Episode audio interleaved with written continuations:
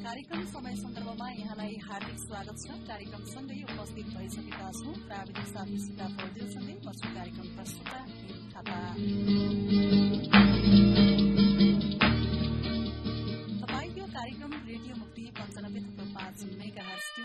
पनि सुन्न सक्नुहुनेछ भने इन्टरनेट अनलाइनको W W W dot radio Mukti ORG login गरेर र हाम्रो पात्रोमा रेडियो मुक्ति बटुल सर्च गर्नुभयो भने पनि तपाईँले यो कार्यक्रम सहजै रूपमा सुन्न सक्नुहुनेछ। कार्यक्रम समय सन्दर्भ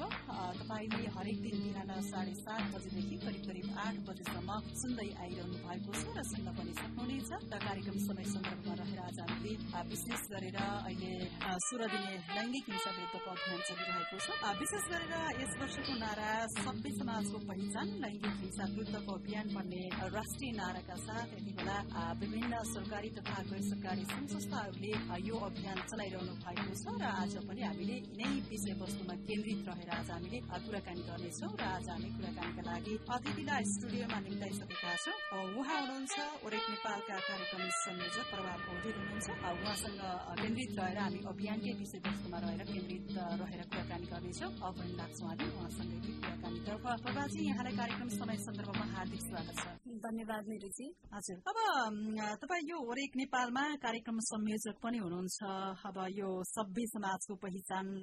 लैङ्गिक हिंसा विरुद्धको अभियान भन्ने राष्ट्रिय नाराका साथ हामीले यही मंगिर नौ गतेदेखि मंगिर चौबिस गतेसम्म लैङ्गिक हिंसा विरुद्धको सोह्र दिने अभियान हामीले मनाउँदैछौ अब यो अभियानलाई ओरेक नेपालले के कस्ता किसिमका कार्यक्रमको आयोजना गरेर मनाउँदैछ यसबारे जानकारी दिनुहोस् न म शुरूमै तपाईँलाई यही क्वेसनबाट शुरू गरेँ हुन्छ धन्यवाद हाल चाहिँ ओरेक नेपालले यस लुम्बिनी प्रदेशमा रूपन्देही कपिलवस्तु र दाङ जिल्लामा प्रत्यक्ष रूपले काम गरिरहेको अवस्था छ हामी देशैभरि नै काम गरिरहेका छौँ अभियानमा सँगसँगै छौँ तर लुम्बिनीको परिप्रेक्ष्यमा भन्नुपर्दा चाहिँ हामी अहिले तीनटा जिल्लामा छौँ अब यसमा हाल हामीले के के गरिरहेका छौँ भन्दाखेरि चाहिँ एक त हाम्रो अस्ति नोभेम्बर पच्चिसबाटै अभियान सुरुवात भइसकेको छ होइन यसमा चाहिँ जिल्लाका विभिन्न संघ संस्थाहरूसँग मिलेर सरकारवाला निकायहरूसँग प्रहरीहरूसँग मिलेर चाहिँ हामीले शुभारम्भ कार्यक्रमहरू गऱ्यौँ जसमा अब र्याली सचेतनामूलक र्यालीका कुराहरू भयो होइन दीप प्रज्वलन जस्ता कार्यक्रम त्यस्तै डायलगहरू गऱ्यौँ र विद्यालय केन्द्रित हामीले चाहिँ समुदाय स्तरमा जिल्ला स्तरमा त छँदैछ समुदाय स्तरमा पनि विद्यालय केन्द्रित कार्यक्रमहरू पनि सञ्चालन गरेका छौँ। वक्तित्व कला प्रतियोगिताहरू सञ्चालन पनि अहिले गरिरहेको अवस्था चाहिँ छ। त्यस्तै यो अभियानमा अब यो बिचमा जति पनि दिवसहरू पर्छन् होइन? त्यस्तै महिला मानव अधिकार रक्षक दिवस महिला सहित सम्मान दिवस डिसेम्बर दस र त्यस्तै अर्को भनेको चाहिँ विश्व अपाङ्गता दिवस। यी सबै दिवसहरूमा चाहिँ हामीले विभिन्न संस्थाहरूसँग समन्वय सहकार्य गरेर चाहिँ कार्यक्रमहरूको योजना बनाएका छौँ। जस्तै अब यो महिला मानव अधिकार रक्षक दिवसको दिन चाहिँ हामीले महिला तथा किशोरीहरूको सवालमा नीतिगत रूपमा नै सम्बोधन हुनुपर्छ भन्ने हिसाबले चाहिँ हालको अवस्था कस्तो छ कानुनी कार्यान्वयनको अवस्था भनेर चाहिँ जिल्ला स्तरीय एउटा संवाद कार्यक्रम आयोजना गरेका छौँ। त्यस्तै महिला सहित सम्मान दिवसमा चाहिँ विभिन्न कालखण्डमा विभिन्न समयमा महिलाहरूले महिला मानव अधिकार रक्षकहरूले जुन ज्यान गुमाउनु परेको थियो उहाँहरूको योगदानको कदर गर्दै उहाँहरूलाई स्मरण गर्नको लागि चाहिँ कविता वाचन प्रतियोगिताको पनि आयोजना गरेका छौँ। त्यस्तै नै छन् अहिलेको हाम्रो कामहरू चाहिँ। हजुर। अब हरेक वर्ष ओरेक लगायत अब अन्य विभिन्न सरकारी तथा गैर सरकारी संघ संस्थाहरूले सोह्र दिने लैङ्गिक हिंसा विरुद्धको अभियानलाई एकदमै तामझामका साथ मनाइन्छ। यसरी मनाइरहँदा यो लैङ्गिक हिंसाको अवस्था यहाँले कस्तो पाउनुहुन्छ? अलिकति अब हुन त कतिपय यो हिंसाका कुराहरू अहिले पछिल्लो समयमा एकपछि अर्को हामीले दैनिक रूपमा पनि सुन्न सुन्न सक्छौँ त्यसै गरी देख्न पनि सक्छौँ होइन? यहाँले चाहिँ कस्तो पाउनुहुन्छ? जस्तो कि यो हिंसाको अवस्था कि अब सुधार भएको अवस्था हो कि अब के भएको अवस्था चाहिँ यहाँले कस्तो पाउनुहुन्छ? लैङ्गिक हिंसाको अवस्थाको कुरा गर्नु पर्दाखेरि चाहिँ अलिकति मैले सन्दर्भ पनि जोड्न चाहेँ जस्तै ओरेकले चाहिँ वर्षभरि लैङ्गिक हिंसाको घटनाको अवस्था कस्तो छ भनेर वार्षिक रूपमा चाहिँ अन्वेषी भन्ने लैङ्गिक हिंसा सम्बन्धी वर्ष पुस्तक पनि प्रकाशन गर्ने गर्छ जुन चाहिँ हामीले यही नोभेम्बर पच्चिसमा विमोचन गर्यौँ यस आर्थिक वर्षको पनि त्यसको अवस्थालाई हेर्दाखेरि र अन्य प्रहरीको विभिन्न डेटाहरूलाई हेर्दाखेरि लैङ्गिक हिंसाको अवस्थामा त्यति ठुलो परिवर्तन आएको चाहिँ देखिँदैन होइन? हुन सक्ला तर हिंसाको स्वरूपहरू चाहिँ परिवर्तित भएका छन्। पहिला महिला महिलाहरू घरभित्र मात्रै हिंसामा घरभित्र मात्रै भन्दा पनि घरभित्र बढी हिंसामा पर्नुहुन्थ्यो भने अहिले चाहिँ सार्वजनिक स्थलहरूतिर पनि हिंसा बढ्दो रूपमा चाहिँ देखिएको छ होइन कार्यस्थलमा यातायातहरूमा विभिन्न सार्वजनिक स्थलहरूमा हिंसा भएको देखिन्छ त्यस्तै अनलाइन मार्फत पनि होइन अनलाइन हेरेसमेन्ट अनलाइन भाइलेन्सको कुराहरू पनि एकदमै बढ्दो देखिन्छ तर एउटा कुरा चाहिँ के छ भने फेरि पनि तथ्याङ्कलाई केलाउँदाखेरि महिलालाई हिंसा जहिले पनि एकदमै कि त इन्टिमेट पार्टनरबाट कि त परिवारको सदस्यबाट नै भएको चाहिँ देखिन्छ होइन फेरि तथ्याङ्कले हेर्दा श्रीमान अथवा परिवारकै सदस्यबाट चाहिँ बढी हिंसाको जोखिममा महिलाहरू अहिले पनि भइरहेको चाहिँ देख्न सकिन्छ त्यसैले भन्नुपर्दाखेरि केही हदसम्म केही परिवर्तन भयो होला महिलाहरू सङ्गठित भए आवाजहरू बाहिर आउन थाल्यो तर हिंसा परिवर्तन चाहिँ भएको छैन। हिंसाका स्वरूपहरू मात्रै परिवर्तन भएको छ। महिलाको अवस्था चाहिँ परिवर्तन भएको छैन भन्ने चाहिँ देखिन्छ। हजुर। जो हिंसा बढेका बढेछन् तर स्वरूपमा मात्र परिवर्तन आएको छ भनेर यहाँले भन्नुभयो। अब यो ओरेकले निकालेको डेटामा होइन अब खासै यो हिंसा त्यति हिंसाका घटनाहरू त्यति कम हुन सके सकेन। हिंसाका स्वरूप मात्र परिवर्तन भएको छ भन्ने डेटा जुन किसिमको आउँछ होइन? किन परिवर्तन हुन सकिरहेको छैन? त्यसलाई परिवर्तन गर्नका लागि आम व्यक्तिको होइन एउटा व्यक्ति घर परिवार समाजको भूमिका के रहन सक्छ? के लाग्छ यहाँलाई? हिंसा परिवर्तन नहुनुमा एक चाहिँ किसान मान्छेको सोच नै हो होइन मान्छेको प्रवृत्ति जुन मान्छेले चाहिँ एउटा महिलालाई र महिलाको शरीरलाई हेर्ने दृष्टिकोण छ भनौँ न महिलाको शरीर चाहिँ मेरो सम्पत्ति हो समाजको सम्पत्ति हो परिवारको सम्पत्ति हो अझ भनौँ एउटा पुरुषको सम्पत्ति हो भन्ने जुन सोच छ नि त्यो सोचले गर्दाखेरि चाहिँ अझै पनि महिलामाथि हुने हिंसा चाहिँ कम हुन सकिरहेको छैन जस्तै विभिन्न नीतिहरू त आउँछन् होला होइन तर त्यसको कार्यान्वयनको अवस्था हेर्ने हो भने त फेरि जटिल नै छ होइन नीति निर्माणमै बसेका व्यक्तिहरू हामीमा नि कतिको लैङ्गिक संवेदनशीलता छ त भन्ने प्रश्न पनि हुन्छ। अनि हिंसा घरभित्र छ परिवारभित्र छ व्यक्तिको सोचमा छ भने जबसम्म सोच परिवर्तन हुँदैन तबसम्म त्यो स्वरूपहरू मात्रै नै फेरिने हुन्। त्यसैले गर्दाखेरि चाहिँ यो हिंसा परिवर्तन नहुनुको कारण चाहिँ एउटा दृष्टिकोण नै हो होइन? महिलालाई हेर्ने जुन दृष्टिकोण छ त्यो नै हो। भने अर्को चाहिँ अब के गर्नुपर्छ होला भन्ने जुन हजुरको प्रश्न रहेको थियो यसमा चाहिँ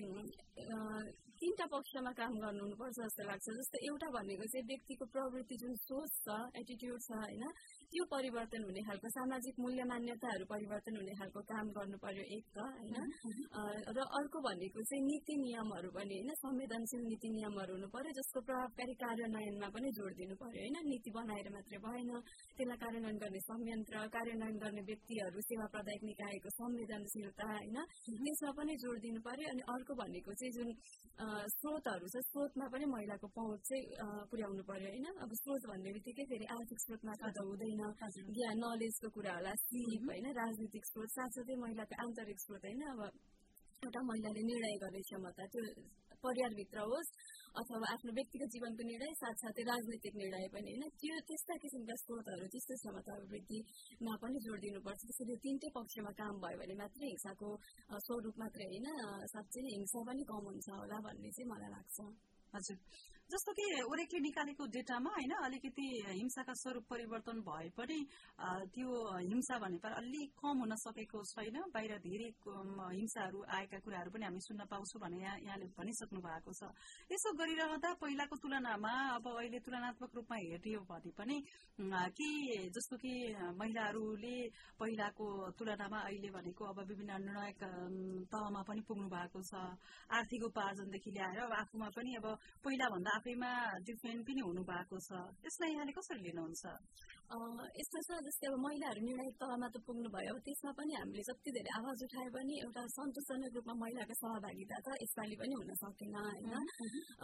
निर्णायक तहमा पुग्नु भयो तर निर्णायक तहमा पुगिसकेको महिलाहरूभित्रै पनि उहाँहरूले कतिको विभेद भोगिराख्नु भएको छ त्यो पनि एउटा चाहिँ विश्लेषण गर्नुपर्ने देखिन्छ होइन अर्थपूर्ण सहभागिताको कुरा त आफ्नै ठाउँमा छ साथसाथै उहाँहरूले चाहिँ उहाँहरूको नेतृत्वलाई नै कसरी लिइन्छ होइन उहाँहरूको नेतृत्वलाई स्वीकार गरिएको छ कि छैन उहाँहरूले चाहिँ त्यो राजनीतिक नेतृत्वमा पुग्दा नीति निर्माण गर्ने तहमा पुग्दा कस्ता खाले हिंसा भोग्नुभएका छन् भन्ने कुराहरू पनि छ त्यसैले ती कुराहरूलाई पनि विश्लेषण गर्नुपर्छ जस्तो लाग्छ अनि अब पक्कै पनि निर्णायक तहमा पुग्दा अथवा आर्थिक उपार्जनमा यहाँले भन्नुभयो जस्तै महिलाहरूको चाहिँ पहुँच वृद्धि हुँदाखेरि हिंसा नै चाहिँ कम भएको छैन तर के चाहिँ भएको छ भने हिंसा भयो भने प्रतिकार गर्ने क्षमता चाहिँ वृद्धि भएको छ होइन आर्थिक उपार्जनले निर्णयमा पुगेको महिलाले पक्कै पनि हिंसा भयो भने त्यसलाई कसरी प्रतिकार गर्नुहुन्छ कसरी हिंसै हुने भन्न त सकिएन त्यो ठाउँमा पनि अझ फरक स्वरूपको हिंसा त छन् तर त्यसलाई प्रतिकार गर्ने क्षमता चाहिँ वृद्धि पक्कै पनि भएको छ जस्तो लाग्छ अब यो प्रतिकार गर्ने क्षमता वृद्धि गर्नमा जस्तो कि अब ओरेक नेपाल सँगसँगै अन्य विभिन्न गैर सरकारी संस्थाहरू हुनुहुन्छ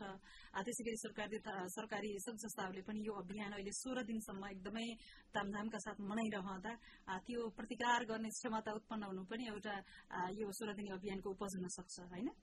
एकदमै अब ईश्वर दिन अभियान नेपालमा हामीले अन्तर्राष्ट्रिय रूपमा नै जुन अब एकतिसौँ वर्षमा अहिले मनाइरहेका छौँ साथसाथै अब विभिन्न कार्यक्रमहरू सरकारी गैर सरकारी यहाँले भन्नुभएको विभिन्न सञ्जाल होइन समूहहरूले जुन अभियान गरिराख्नु भएको छ त्यसको नै उपलब्धि चाहिँ मान्न सकिन्छ किनभने त्यसले ठ्याक्कै हेर्दाखेरि तुरन्तै परिवर्तन नदेखिए तापनि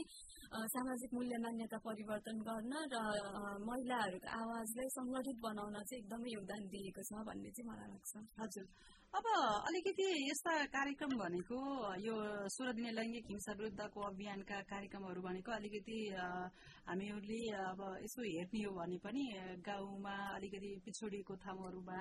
त्यहाँ पनि अलिकति अब हुन्छ नि गाउँपालिका नगरपालिका केन्द्रित मात्र भएको पाउँछौँ। त्यहाँ पनि अलिकति जान्ने सुन्ने व्यक्तिहरूले मात्र थाहा पाएको पाउँछौँ। तर अलिकति दूरदराजदेखि ल्याएर अलिकति भित्री गाउँहरू त्यस्तो व्यक्तिहरूले लैङ्गिक हिंसाको बारेमा थाहा नै हुँदैन उहाँहरूलाई। के हो यो लैङ्गिक हिंसा कस्तोलाई हिंसा मान्न सकिन्छ भन्ने कुराहरू पनि छन् अलिकति यस्ता कार्यक्रमहरू अब गाउँ केन्द्रित नभएर सहर केन्द्रित भएका हुन् कि भन्ने गुनासोहरू पनि हामीले सुन्न पाउँछौँ। के लाग्छ यहाँलाई? पक्कै पनि हो होइन अब सबै समुदायमा नै पुगेर समुदायका सबै व्यक्तिहरूलाई हिंसा सम्बन्धी सचेतना छ अथवा चाहिँ हिंसाको प्रतिकार गर्नुपर्छ भन्ने छ भन्ने कुरा चाहिँ होइन तर कतिपय कार्यक्रमहरू अब नीतिगत रूपमा नीतिगत परिवर्तनका लागि गरिनुपर्ने कार्यक्रमहरू सहरमै पनि गर्नुपर्ने हुन सक्छ होइन केही संवादहरू होला नीति निर्माणका कामहरूमा गरिने कार्यक्रम सहरमा हुनुपर्छ हुन सहरमै सहज होला तर त्यसमा पनि के हुनुपर्छ नि त्यो गाउँको महिलाको आवाज चाहिँ त्यो सहरमा गर्ने कार्यक्रमसम्म पनि आइपुग्नुपर्छ भन्ने चाहिँ हो। सहरमा कार्यक्रमै नगर्ने भन्ने होइन तर गाउँका महिलाको आवाज उहाँहरूको दैनिक जीवनको भोगाईहरू चाहिँ त्यो सहरमा भएका संवाद डायलग कार्यशाला जति पनि हुन्छन् त्योसम्म चाहिँ आउन सक्नुपर्छ र पक्कै पनि यहाँहरूले भन्नुभयो जस्तै गाउँ गाउँमा समुदायमा चाहिँ यो हिंसा सम्बन्धीका कार्यक्रमहरू होइन यस्ता अभियानहरू चाहिँ पुग्नै पर्छ। त्यसैले गर्दा नै ओरेकली हामीले जहिले पनि समुदायमा आधारित रहेर होइन समुदायमा नै जोड दिने चाहिँ हामीले गरेका हजुर। तपाईँहरू अब समुदायसँग केन्द्रित रहेर कार्यक्रमहरू गर्दा पनि होइन आफूले भोग्नु परेका हिंसाहरू होइन आफूले सहनु परेका धेरै यातनाहरूको बारेमा चाहिँ उहाँ अब आम व्यक्तिहरू कतिको खुलेर बोल्नुहुन्छ विशेष गरेर हुन त लैङ्गिकताको आधारमा हुने हिंसा भनेको पुरुषमा पनि हुन सक्यो महिलाहरूमा पनि हुन सक्यो। तर पहिला अलिकति महिलाहरू एकदमै आफ्ना कुरा भन्न नचाहने होइन एउटा संरचनागत हिसाबले गर्दा पनि। तर अहिले पछिल्लो समय केही खुलेको हो कि भन्ने हाम्रो रिपोर्टिङहरूले पनि देखाउँछ। होइन के लाग्छ यहाँलाई? अलिकति कस्तो छ तपाईँहरूले समुदायमा केन्द्रित रहेर काम गर्दा के पाउनुहुन्छ यहाँहरूले हजुरले भन्नुभयो जस्तो पक्कै पनि महिलाहरू केही हदसम्म खुलेर अहिले बाहिर आउनु भएको छ होइन? तर पनि एउटा महिलालाई म माथि हिंसा भयो अझ त्यसमा पनि म मेरो परिवारको सदस्यमा र श्रीमानबाट हिंसामा परे भनेर बाहिर आउन अझै पनि सहज छैन। किनभने भोलि उहाँले त्यो कुरा रिपोर्टिङमा ल्याएपछि अझै बढी उहाँको जोखिम बढ्ने कुराहरू पनि रहेको छ होइन? र त्यस्तै हामीले जति पनि हामीले सेवा प्रदान गर्छौँ नि सेवा प्रदान गर्दाखेरि पनि अलिकति समुदायमा केन्द्रित चाहिँ हुन सकेको छैन होइन जस्तै एउटा महिलालाई सुरक्षा आवास सेवा चाहिन्छ होला सुरक्षा आवासकै कुरा गर्ने हो भने अहिले यही हामी रूपन्देही जिल्लाकै मात्र कुरा गर्ने हो भने पनि हामीसँग मलाई लाग्छ कुनै पनि स्थानीय तहमा सुरक्षा आवासको परिकल्पना गरिएको छैन होइन अब केही सङ्घ संस्थाहरूले स्थानीय सरकारको सहयोगमा बुटवलमा भइरहेमा सुरक्षा आवास सञ्चालन गर्नुभएको छ होला तर ग्रामीण ठाउँको कुनै एउटा गाउँपालिकाको गाउँको एउटा महिलालाई हिंसामा पर्नुभयो भने उहाँको सेवासम्म आइपुग्नको लागि पनि समस्या छ होइन त्यसैले गर्दा पनि खुलेर आउन पनि एउटा त संरचनात्मक कारणले गर्दाखेरि नै उहाँ खुलेर आउन सक्नुहुन्न अर्को भनेको खुलेर आइसके पछाडि उहाँले पाउने जुन न्यायको कुरा सर्भिसको कुरा छ त्यसमा भएको चुनौतीले गर्दाखेरि पनि खुलेर आउन चाहिँ अझै पनि गाह्रो चाहिँ छ अब खास अब तपाईँहरूले यो समुदायसँग केन्द्रित रहेर काम गरिरहँदा कस्ता कस्ता हिंसाहरू सहनु परेको अब केही महिलाहरूले त अब सुनाउनुहुन्छ होला के पाउनुहुन्छ तपाईँले खास कस्ता कस्ता समस्याहरू अझै पनि समुदायमा अब स्वरूप परिवर्तन भएका कुराहरू हामीले गरिरहँदा होइन कस्तो कस्तो हिंसाहरू सहनु परेको रहेछ यहाँले जानेको सुनेको के छन् त्यस्तो? एक त अब घरेलु हिंसाको कुरा चाहिँ छँदै नै छ होइन महिला किशोरीहरूले सबैभन्दा बढी परिवारबाट नै हिंसा विभेद भोगिराख्नु भएको अवस्था चाहिँ छ अब त्यसमा पनि अझै कुरा गर्ने भने अहिले मैले अघि पनि जोडेको थिएँ होइन यो साइबर क्राइम पनि एकदमै रूपमा चाहिँ बढ्दो रूपमा देखिन्छ त्यस्तै विद्यालयमा हुने हिंसाको घटनाहरू पनि बढिरहेको चाहिँ अहिले देखिन्छ होइन र त्यस्तै अब महिलाको नेतृत्व नस्वीकार्ने त्यो पनि एक किसिमको हिंसा नै भयो होइन महिलाको अझ त्यसमा पनि किशोरीले नेतृत्व गरेको छ भने त्यो किशोरीको नेतृत्व नस्वीकारिने कुरा कुरा अनि अर्को भनेको चाहिँ मेजर अहिले हामीले काम गर्दाखेरि जुन किशोरीको गतिशीलतामा नियन्त्रण गरिएको छ किशोरीको हिँडुलमा नियन्त्रण गरिएको छ त्यसलाई चाहिँ तोडेर कोही किशोरी बाहिर आउन खोज्छ भने चाहिँ उसलाई एकदमै परिवार र समाजले चाहिँ मानसिक रूपमा तनाव दिने होइन उसलाई चाहिँ घरभित्रै राख्ने नियन्त्रण गर्ने र विभिन्न चारित्रिक आरोपहरू लगाउने कुराहरू पनि बढ्दो देखिएको छ भने साथसाथै अब यो बाल विवाहको कुरा होइन बाल विवाहमा पनि अहिले कम उमेरमा हुने जुन हामीले प्रेम विवाहको कुरा गर्छौँ त्यो पनि बढ्दो रूपमा देखिन्छ तर त्यो त्यसलाई पनि फेरि अलिकति चाहिँ थोरै बाल विवाहमा पनि कस्तो खाले घटनाहरू बाहिर आउँछ भने जुन चाहिँ अन्तर्जातीय छ होइन? परिवारले जुनलाई स्वीकार गरेको छैन ती घटनाहरू मात्रै रिपोर्टिङमा जाने होइन? त्यसलाई चाहिँ अर्कै तरिकाले हेर्ने कुराहरू पनि अहिले रहेको छ। त्यस्तै अब आत्महत्या पनि बढ्दो रूपमा देखिन्छ यहाँ किशोर किशोरीहरूको आत्महत्याको कुराहरू र यस्तै नै छन् हिंसाका स्वरूपहरूको अहिले कुरा गर्नुपर्दा। हजुर। अब एउटा सामान्य व्यक्तिले होइन आफूलाई म हिंसा भोगिरह रहेको छु भन्ने कुराहरू जस्तो कि हुन्छ नि? अब बोलीचालीमा पनि धेरै हिंसाहरू भएको पाइन्छ। तर पनि कतिपयलाई त्यो आफूप्रति गरेको हिंसा हो भन्ने पनि अब उहाँहरूले थाहा पाउनुहुन्न। त्यस्तो व्यक्तिले अझै आफूलाई परेको हिंसा कसरी थाहा पाउनु यस्तो हो जस्तो उहाँ हजुरले भन्न खोज्नु भएको चाहिँ बोलीले शब्दले पनि होइन भरबलले पनि हिंसा हुन्छ भन्ने कुरा भयो होइन। अब यसमा कस्तो छ भने यौन हिंसाकै कुरा गर्ने हो भने पनि रेप अथवा एटेम्प टु रेप मात्रै यौन हिंसा हो होइन। छोएर गरिने हिंसा मात्रै हिंसा हो भन्ने खालको बुझाइ त अझै पनि छ नि त समाजमा चाहिँ बुझाइ त्यस्तो छ एकदमै समाजमा त्यस्तै बुझाइरहेको छ र कतिपय ठाउँमा सरकारवालामा पनि त्यस्तो बुझाइरहेको छ होइन अब हिंसा त हेरेर अथवा चाहिँ शब्दले अथवा चाहिँ इसारा घाउभाउ हरेक कुराहरूबाट चाहिँ हिंसा भइरहेको छ अब यसमा चाहिँ यो पनि हिंसा हो भन्ने खालको एउटा अन्डरस्ट्यान्डिङ भनौँ न त्यो किसिमको चेतना चाहिँ विकास गर्नुपर्ने देखिन्छ होइन अब कतिपय कुरामा त्यस्तो हिंसा भयो भने असहज त पक्कै पनि हुन्छ जो व्यक्तिले चाहिँ हिंसा बोक्नुहुन्छ तर अब मैले यसको प्रतिकार गर्नुपर्छ अथवा यसलाई चाहिँ कानुनले पनि सम्बोधन गरेको छ भन्ने चेतना चाहिँ हुन आवश्यक छ होइन यौन हिंसाको परिभाषामा त्यो सबै खालको व्यवहारहरू यौन हिंसा हुन् भनेर भनिएको छ होइन त्यसैले यी कुराहरूमा पनि मैले चाहिँ कानुनी न्याय पाउँछु भन्ने खालको चेतना हुन पनि जरुरी चाहिँ छ हजुर जस्तो कि अहिले धेरै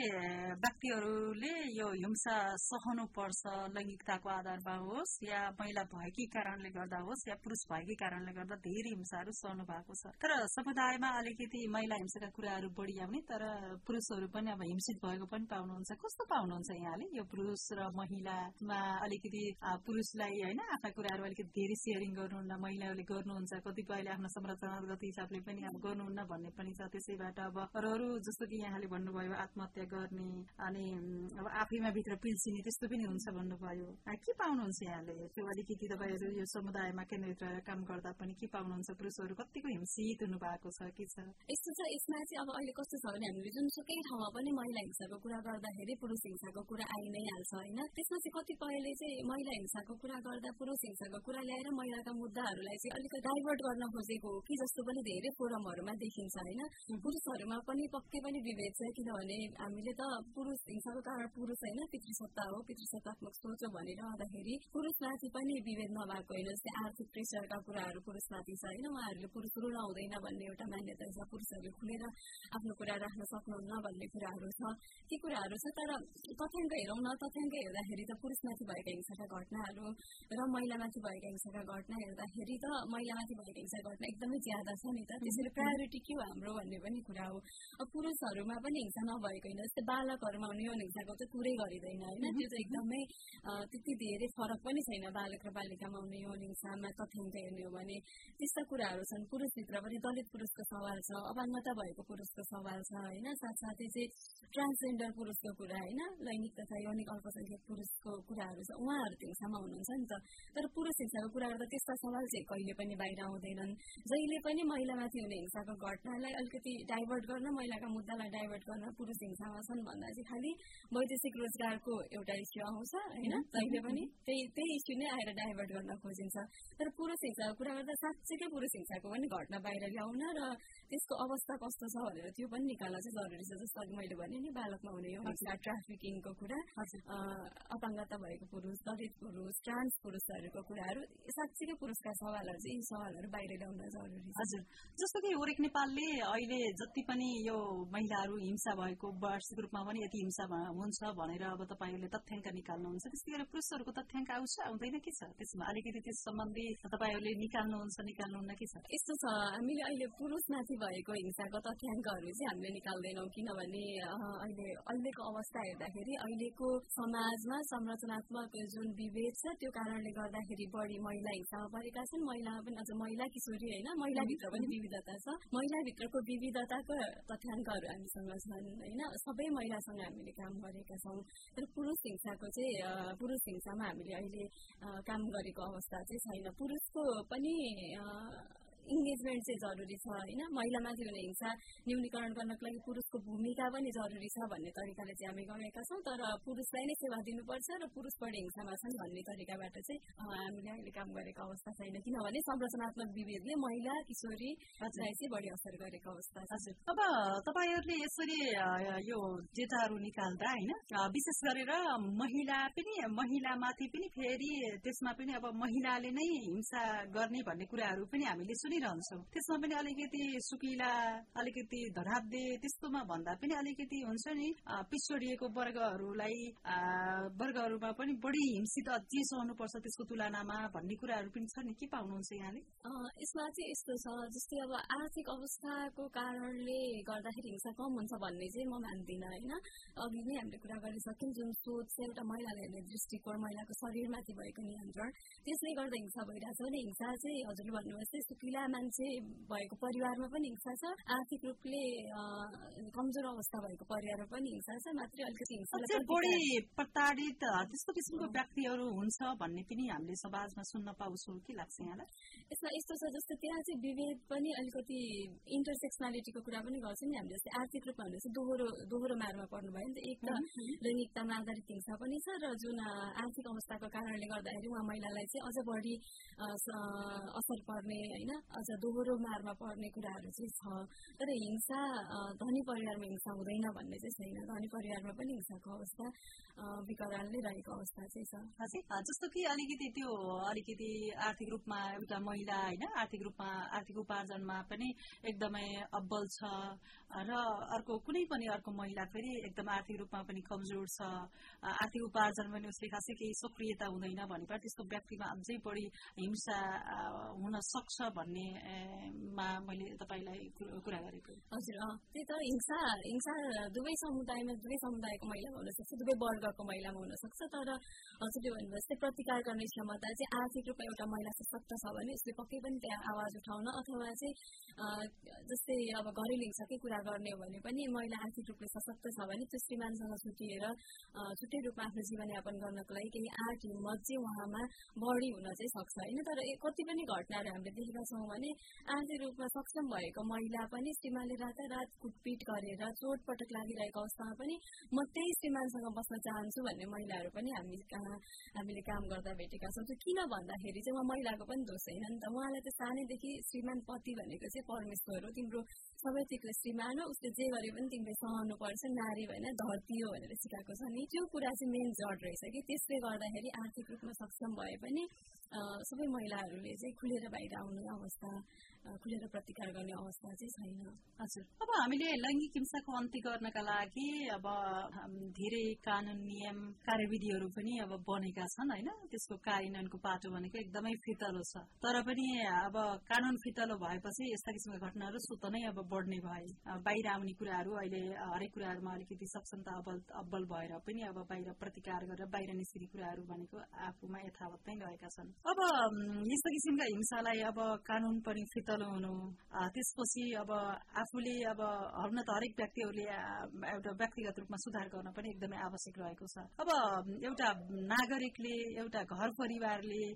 त्यसै गरी समुदायले अब यस्ता किसिमका हिंसाका घटनाहरूलाई कमी गर्नका लागि उहाँहरूको दायित्व के हुन सक्छ र अब हाम्रो कानून फितलो भए पनि उहाँहरूबाट पनि केही योगदान हुन सक्छ कि के लाग्छ यहाँलाई? एकदमै राम्रो प्रश्न गर्नुभयो। यहाँले होइन जस्तै हामीले हिंसा कम गर्ने कुरामा जहिले पनि कानुनी पक्षलाई मात्रै जोड दिइरहेको हुन्छ नि त तर हिंसा न्यूनीकरण गर्नको लागि त परिवार र समाजकै महत्वपूर्ण योगदान भयो भने अघि पनि मैले सुरुमा भनेको थिएँ जुन मूल्य मान्यता परिवर्तन गर्ने कुरा छ त्यो चाहिँ परिवारभित्रबाट र आफैबाट सुरु गरौँ व्यक्ति एउटा व्यक्तिले नै सुरु गर्नुपर्छ भन्ने कुरा गरिन्छ नि होइन त्यसैले चाहिँ यो समाजमा सामाजिकीकरण भएर हुर्किँदै आएको व्यक्तिले व्यक्तिको दिमागमा चाहिँ विभिन्न सकारात्मक सोचहरू चाहिँ भरिएको हुन्छ होइन त्यो कुरामा चिर्न परिवर्तन गर्नको लागि कानुन मात्रै परिवर्तन भएर भएन त्यो चाहिँ आफैले व्यक्तिले आफैले सुरु गर्नु पर्यो आफ्नै परिवारबाट सुरु गर्नु पर्यो र यसमा एकैचोटि ठुलो परिवर्तन आउन नसके पनि एकदमै प्रश्न गर्ने होइन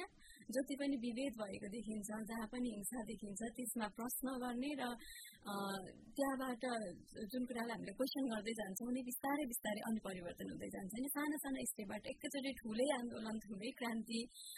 गर्ने परिवारभित्र समाज भन्ने नहोला होइन? तर साना साना कुराहरू जहाँ जहाँ विभेद छ जहाँ जहाँ असमानता देखिन्छ। त्यहाँ त्यहाँ हामीले क्वेसन गर्दै गयौँ र ती ती कुरा साना साना कुराहरू परिवर्तन गर्दै आयौँ परिवारभित्र समाजभित्र सम्बन्धभित्र भने चाहिँ पक्कै पनि छिटो मूल्य मान्यता छिटो परिवर्तन हुन चाहिँ सहयोग पुग्छ होला। त्यो सँगसँगै हिंसा पनि कम हुन सक्छ एकदमै। हजुर। हामी कार्यक्रमको अन्त्यमा छौँ। अन्त्यमा हामीले यो एकतिसौँ लैङ्गिक हिंसा विरुद्धको सोह्र दिने अभियान मनाइरहँदा के भन्नुहुन्छ अन्त्यमा अन्त्यमा चाहिँ जस्तो अब हामी आज नोभेम्बर पच्चिसदेखि डिसेम्बर दससम्म जुन लैङ्गिक विरुद्धको सोह्र दिने अभियान मनाइरहेका छौँ र अहिले अब एकतिसौँ वर्षमा पनि छौँ होइन यो अभियान मनाइरहँदाखेरि अन्त्यमा मलाई भन्न मन लागेको कुरा भनेको चाहिँ हामीले लैङ्गिक हिंसाको सवाललाई अथवा महिलामाथि हुने हिंसाको सवाललाई चाहिँ महिलाका मात्रै मुद्दा हुन् भनेर पर राख्यो भने चाहिँ पक्कै पनि यी कुराहरू निवारण हुन अथवा न्यूनीकरण हुन सक्दैन होइन त्यसैले महिलामाथि हुने हिंसाको मुद्दा चाहिँ एउटा सामाजिक सवाल हो होइन यो महिलाको मात्रै मुद्दा नभएर यो चाहिँ हामी सबैको साझा सवाल हो भन्ने तरिकाले गएर यसमा सबैजना सङ्गठित र एकबद्ध भएर आवाज उठायो भने मात्र महिलाको अवस्था र स्थिति परिवर्तन गर्न सकिन्छ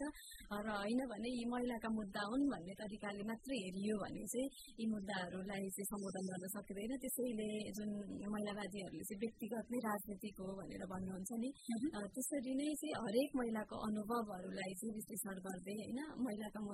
जुन सवालहरू छन् मुद्दाहरू छन् त्यसमा राज्यका संयन्त्र समाज र परिवार सबै एउटा व्यक्ति भनौँ न चाहिँ सबैजना संवेदनशील भयो भने मात्रै हिंसा न्यूनीकरण हुन्छ जस्तो चाहिँ मलाई लाग्छ त्यसैले यो महिला हिंसा विरुद्धको अभियान चाहिँ सोह्र दिनमा मात्रै होइन यो तिन सय पैँसठी दिनकै अभियान हो र यसमा चाहिँ सबैजना एकबद्ध हुनुपर्छ भन्ने चाहिँ मलाई लाग्छ हजुर निकै व्यस्तताका बावजुद पनि हामीलाई समय दिनुभयो विचार व्यक्त गरिदिनु भयो विशेष गरेर लैङ्गिक हिंसा विरुद्धको सोह्र दिने अभियानको विषयवस्तुमा केन्द्रित रहेर यहाँको अमूल्य विचार व्यक्त गरिदिनु भयो। त्यसको लागि यहाँलाई विशेष धन्यवाद। यहाँलाई पनि जुन यो अवसर प्रदान गर्नुभएको छ र यो अवसरको लागि म धेरै धेरै धन्यवाद दिन चाहन्छु। धन्यवाद। श्रोता हामीले कार्यक्रम समय सन्दर्भमा रहेर कुराकानी गर्यौं विशेष गरेर सभ्य समाजको पहिचान लैङ्गिक हिंसा विरुद्धको अभियान भन्ने वासिन्दाहरूका साथ मनाइँदै आएको यो सोह्र दिने लैङ्गिक हिंसा विरुद्धको अभियानमा केन्द्रित रहेर आज हामीले ओरेक नेपालका कार्यक्रम संयोजक प्रभा पौडेलसँग रहेर हामीले कुराकानी गरिसकेका छौँ आजलाई भने कार्यक्रम समय सन्दर्भमा छुट्याइएको निर्धारित समय पनि सकिएको छ म कार्यक्रमबाट बिदा माग्नुपर्ने हुन्छ तपाईँलाई कार्यक्रम कस्तो लाग्यो सल्लाह सुझाव लागि कार्यक्रम बुझिरहेको कार्यक्रम समय सन्दर्भ रेडियो मुक्ति पञ्चानब्बे थुप्रो पाँच मेगाचार सागा यतिन्जेलसम्म कार्यक्रम सुन्नुभयो। तपाईँ सम्पूर्णमा धन्यवाद। टेक्निकली सपोर्टका लागि सीता पौडेललाई पनि विशेष धन्यवाद दिँदै आजको कार्यक्रम समय सन्दर्भबाट म कार्यक्रम प्रस्तुता